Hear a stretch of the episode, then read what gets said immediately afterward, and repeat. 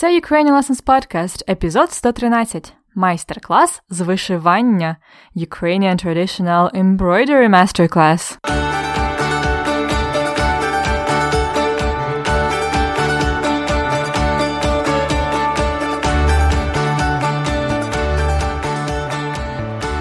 Привіт! Це Анна Огойко з подкастом Уроки української.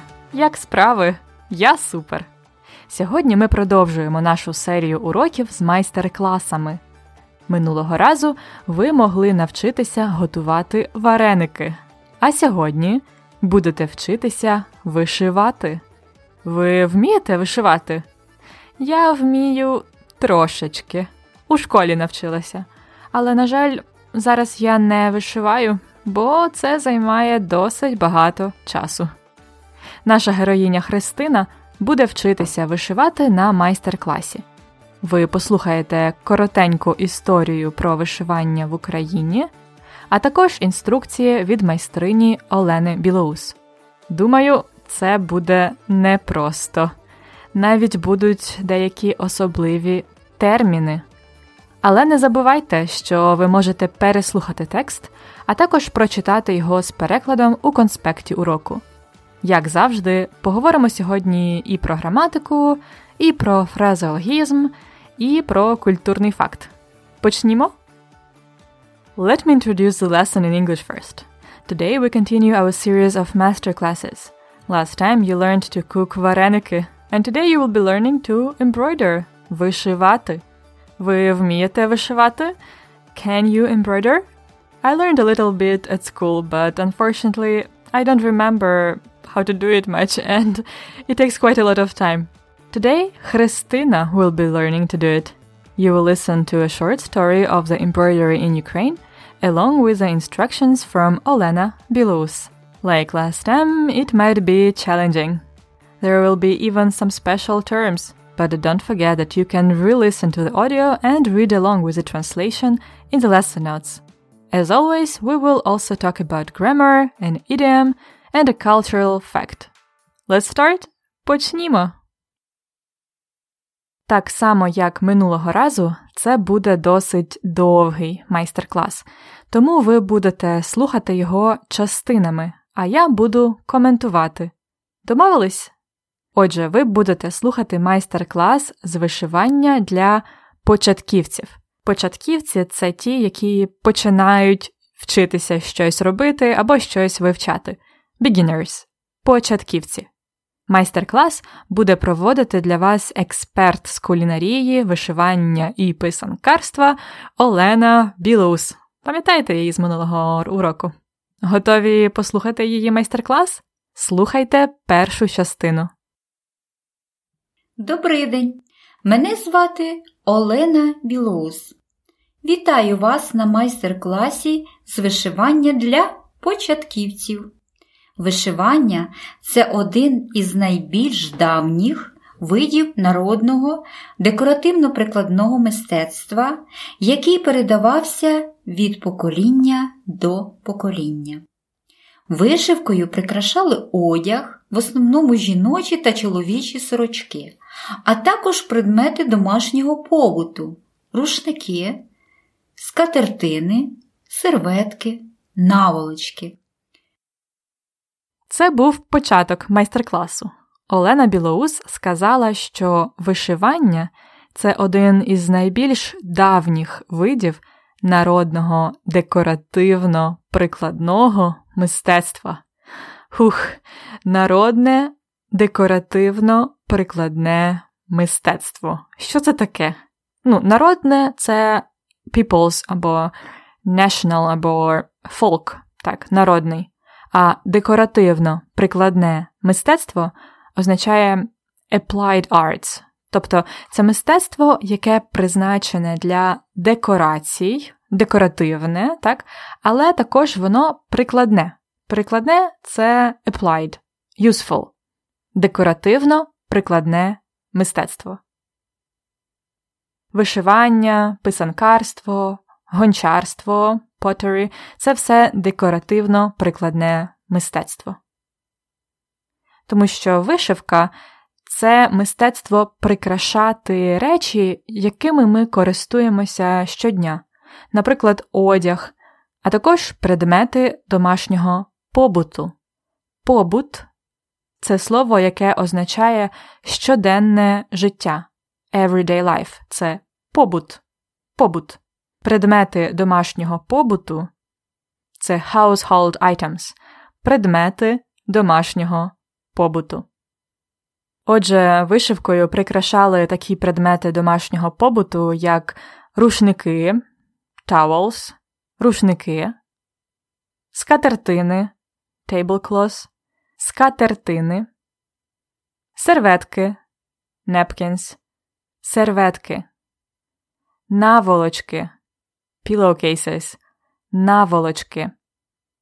Далі Олена Білоус розповість вам про техніки вишивання.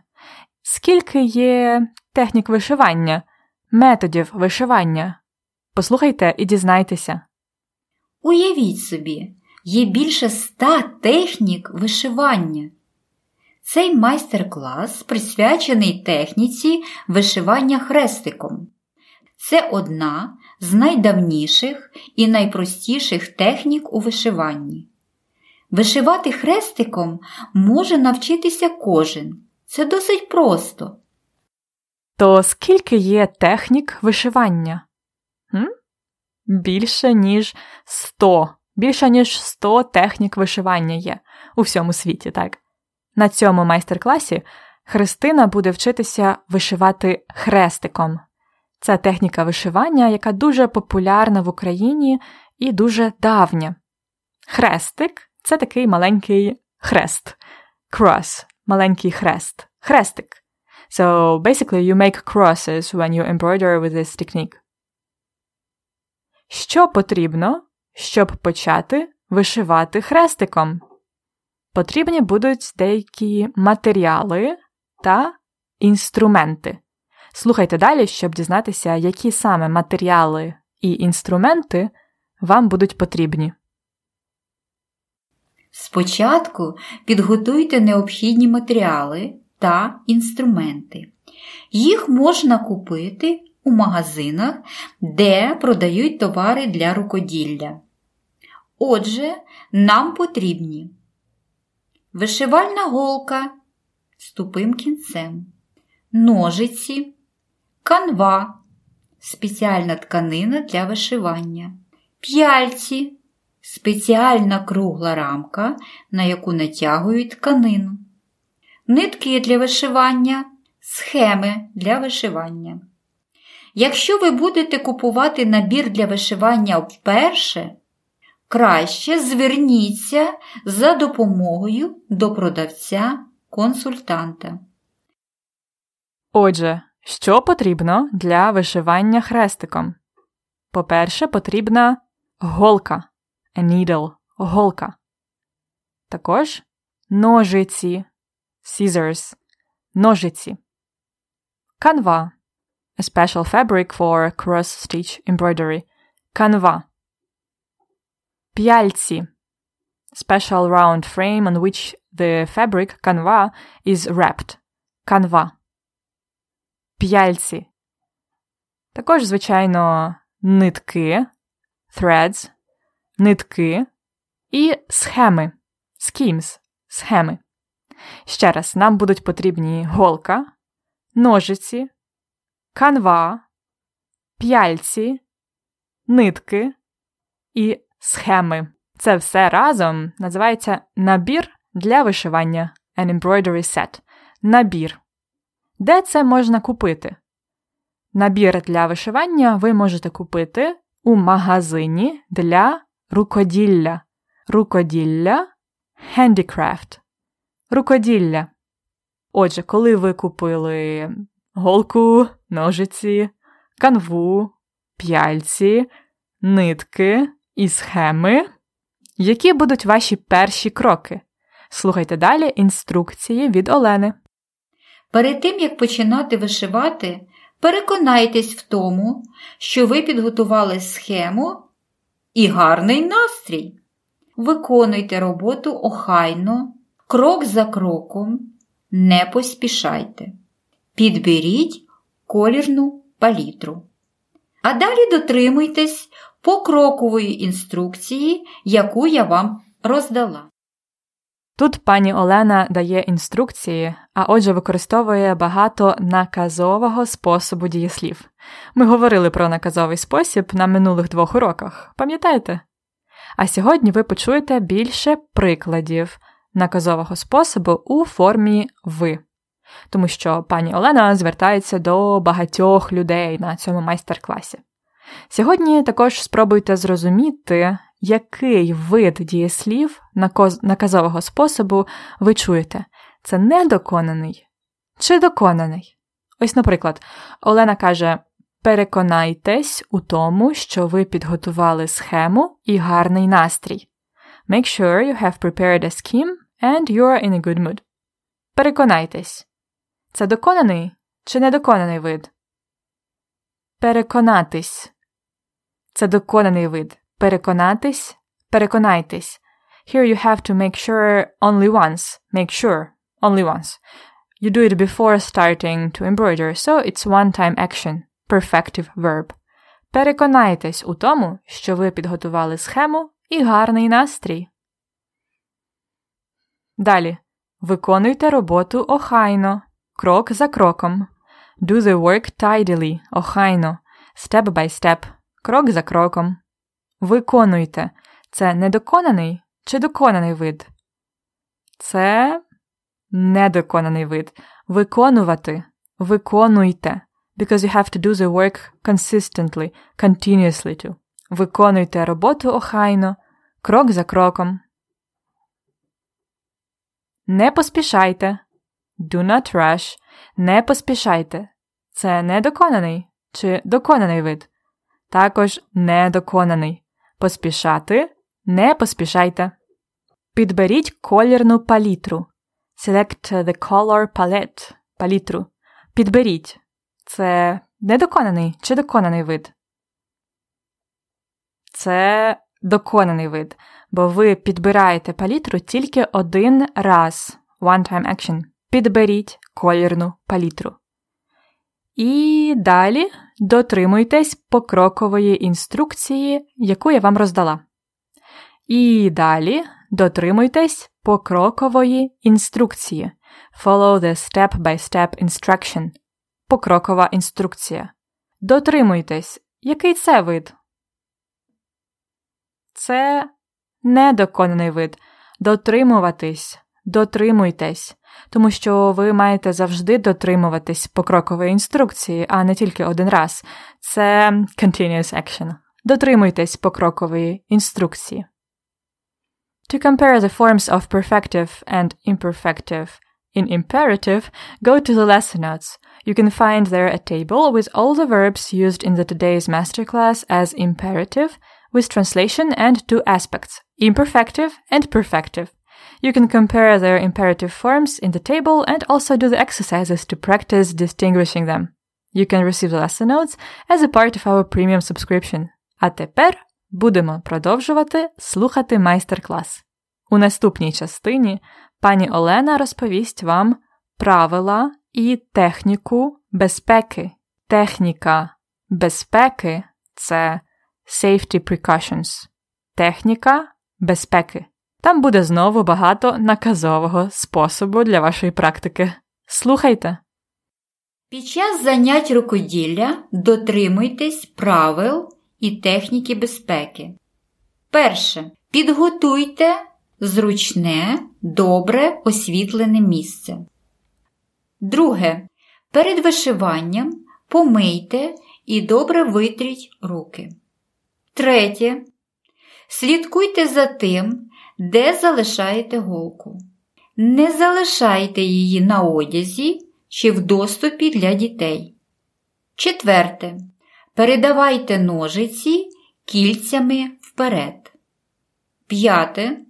Вишивання це велике навантаження для очей. Тому в процесі робіть перерви, щоб очі відпочивали. І найголовніше правило особисто від мене сідайте вишивати тільки з хорошим настроєм. Отже, про які правила техніки безпеки говорить пані Олена? Перше правило підготуйте зручне, добре освітлене місце. Добре освітлене well lit with a lot of light. Добре освітлене. Підготуйте зручне, добре освітлене місце. Друге правило. Помийте і добре витріть руки.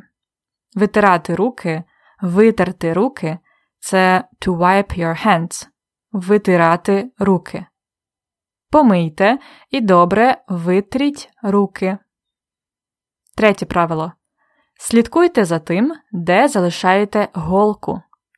Watch where you leave the needle. Слідкуйте за тим, де залишаєте голку. Четверте правило. Передавайте ножиці кільцями вперед. Кільця, here these are the rings of the scissors. So, pass the scissors with the rings forward. Передавайте ножиці кільцями вперед. П'яте правило. Робіть перерви, щоб очі відпочивали. Робіть перерви, щоб очі відпочивали. І яке найголовніше, основне, бонусне правило. Сідайте вишивати тільки з хорошим настроєм.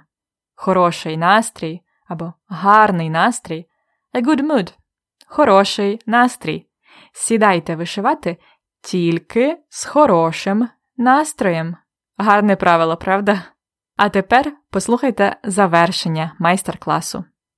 А тепер починаємо практичну частину нашого майстер-класу. Візьміть набори, які я підготувала для кожного з вас, і сідайте на свої місця. Якщо у когось є запитання, будь ласка, запитуйте. Отже, пані Олена розпочинає практичну частину майстер-класу. Вона каже: візьміть набори, набір, набори, пам'ятаєте? Sets, set. І сідайте на свої місця. Take your seats. Сідайте на свої місця. Якщо у когось є запитання, будь ласка, запитуйте. До речі, якщо у вас є запитання, будь ласка, запитуйте. Напишіть коментар на сторінці епізоду ukrainianlessons.com риска episode 113 or at any other episode you have question about. Якщо у вас є запитання, будь ласка, запитуйте. А зараз я хочу, щоб ви повторили деякі нові слова, які я сьогодні згадувала. Слухайте і повторюйте нові слова. Декоративно прикладне мистецтво. Applied arts. Побут. Everyday life. Рушник. A towel. Скатертина. A tablecloth. Серветка. Napkin. Наволочка. A pillowcase. Вишивати хрестиком. To cross stitch. Ножиці. Scissors. Канва. A special fabric for embroidery. П'яльці. A special frame for embroidery. Нитки. Threads. Схеми. Schemes. Рукоділля. Handicraft. Охайно. Tidily. Техніка безпеки. Safety precautions. Добре освітлений. Well lit. With a lot of light. Витирати руки. To wipe your hands. Кільця. The rings or the rings of the scissors. Хороший настрій. A good mood. А тепер підготуйте хороший настрій і свої вуха, щоб послухати ще раз повний текст майстер-класу. Добрий день! Мене звати Олена Білоус. Вітаю вас на майстер-класі з вишивання для початківців. Вишивання це один із найбільш давніх видів народного декоративно-прикладного мистецтва, який передавався від покоління до покоління. Вишивкою прикрашали одяг, в основному жіночі та чоловічі сорочки, а також предмети домашнього побуту, рушники, скатертини, серветки, наволочки. Уявіть собі, є більше ста технік вишивання. Цей майстер-клас присвячений техніці вишивання хрестиком. Це одна з найдавніших і найпростіших технік у вишиванні. Вишивати хрестиком може навчитися кожен. Це досить просто. Спочатку підготуйте необхідні матеріали та інструменти. Їх можна купити у магазинах, де продають товари для рукоділля. Отже, нам потрібні вишивальна голка з тупим кінцем, ножиці, канва, спеціальна тканина для вишивання, п'яльці, спеціальна кругла рамка, на яку натягують тканину, нитки для вишивання, схеми для вишивання. Якщо ви будете купувати набір для вишивання вперше, краще зверніться за допомогою до продавця-консультанта. Перед тим, як починати вишивати, переконайтесь в тому, що ви підготували схему і гарний настрій. Виконуйте роботу охайно, крок за кроком, не поспішайте. Підберіть колірну палітру. А далі дотримуйтесь покрокової інструкції, яку я вам роздала. Під час занять рукоділля дотримуйтесь правил і техніки безпеки. Перше. Підготуйте зручне, добре освітлене місце. Друге. Перед вишиванням помийте і добре витріть руки. Третє. Слідкуйте за тим, де залишаєте голку.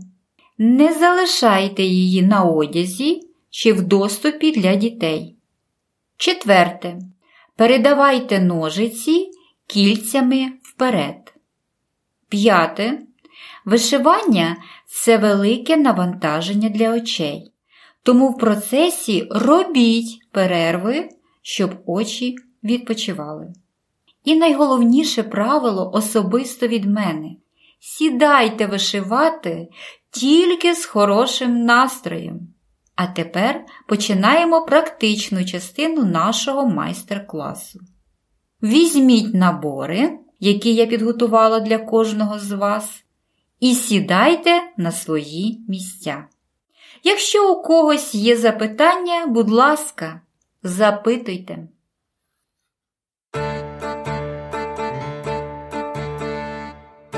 Дієслово дня. Сьогодні ми говоримо про вишивання, тому я не могла не вибрати на дієслово дня слово вишивати. Означає вишивати to embroider, to stitch. Let's have a look at three embroidery techniques that are popular in Ukraine. You can вишивати хрестиком, to cross stitch, вишивати гладдю, to satin stitch, вишивати бісером, to bead. I'm not sure actually if you know any of those terms in English, but you can Google if you're interested. Вишивати хрестиком, вишивати гладдю, вишивати бісером. By the way, the perfective form of вишивати is вишити. And now let's conjugate it. У теперішньому часі вишивати. Я що роблю? Вишиваю. Note that va here stays. Ти вишиваєш. Він вишиває. Яка це дієвідміна? Це перша дієвідміна єш. Ми вишиваємо. Ви вишиваєте. І вони вишивають. У минулому часі він вишивав або він вишив доконаний вид. Наприклад, Христина вишивала цю серветку два місяці і вчора, нарешті, вишила її. Христина was embroidering this napkin for two months, and yesterday she has finally finished it. Вона вишила її. І майбутній час недоконаний вид я буду вишивати. Я буду вишивати, коли я буду на пенсії. А ви будете вишивати, коли ви будете на пенсії.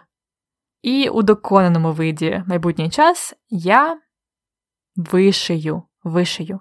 Я вишию цю серветку завтра. Finished action. Ти вишиєш. Він вишиє. Ми вишиємо. Ви вишиєте. І вони вишиють. А ви коли-небудь вишивали? Чи так як я будете вишивати на пенсії? Фразеологізм дня. Олена Білоус професійно вишиває вже більше ніж 20 років. Вона справжній майстер свого діла. Фразеологізм дня майстер свого діла. Майстер свого діла. Literally a master of one's business. A master of his craft, an expert, a go-to person. Олена Білоус професійно вишиває вже більше ніж 20 років. Вона справжній майстер свого діла. Олена Білоус has been embroidering professionally for more than 20 years. She is a real master of her craft. Ще один приклад. Лесі порадили професійного фотографа на весілля. A professional photographer was recommended to Lesia for her wedding. Він майстер свого діла, але він занадто дорогий. He's an expert, but he's too expensive. Лесі порадили професійного фотографа на весілля. Він майстер свого діла, але він занадто дорогий.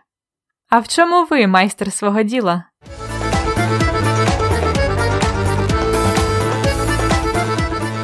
Культурний факт на подкасті. Let's talk more about the Ukrainian embroidery since it's one of the biggest things in the Ukrainian folk art and culture. The tradition of decorating clothes and other items with embroidery is ancient in Ukraine. Archaeologists have found the statues of people wearing typical Ukrainian embroidered clothes from the 6th century. And since Ukraine became independent again in 1991, and especially with the patriotic wave of the Revolution of Dignity in 2013, the Ukrainian embroidery has been blooming in all forms and shapes The most known and popular of which is vyshivanka, an embroidered shirt that is currently a symbol of being Ukrainian and being dedicated to your country. You can see people wearing vyshivanka during religious holidays, Independence Day, and Vyshivanka Day, which is on the third Thursday of May. Another popular embroidered item is вишитий рушник.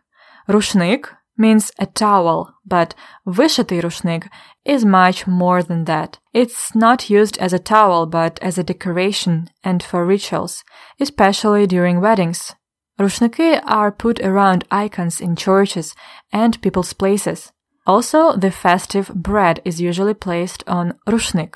Ukrainian embroidery has many variations from region to regions, or even village to village. Online, you can find some fun maps of Ukraine where different embroidery patterns are placed on different regions. I will add a map like that to the episodes page on our website. It's at ukrainianlessons.com slash episode 113. І на цьому я закінчую ще один епізод подкасту Уроки української. Сподіваюсь, вам сподобалась тема вишивання. Можливо, ви навіть хочете почати вишивати. Якщо так, обов'язково підіть у магазин рукоділля, коли будете в Україні. Як завжди, ви можете знайти повний текст і переклад майстер-класу, а також граматичну таблицю, вправи і список слів у конспекті уроку The Lesson Notes. If you haven't already, become a premium member to receive our lesson notes weekly. Find out more at ukrainianlessons.com slash episode 113. ukrainianlessons.com slash episode 113. Успіхів вам у всьому! До наступного уроку! Па-па!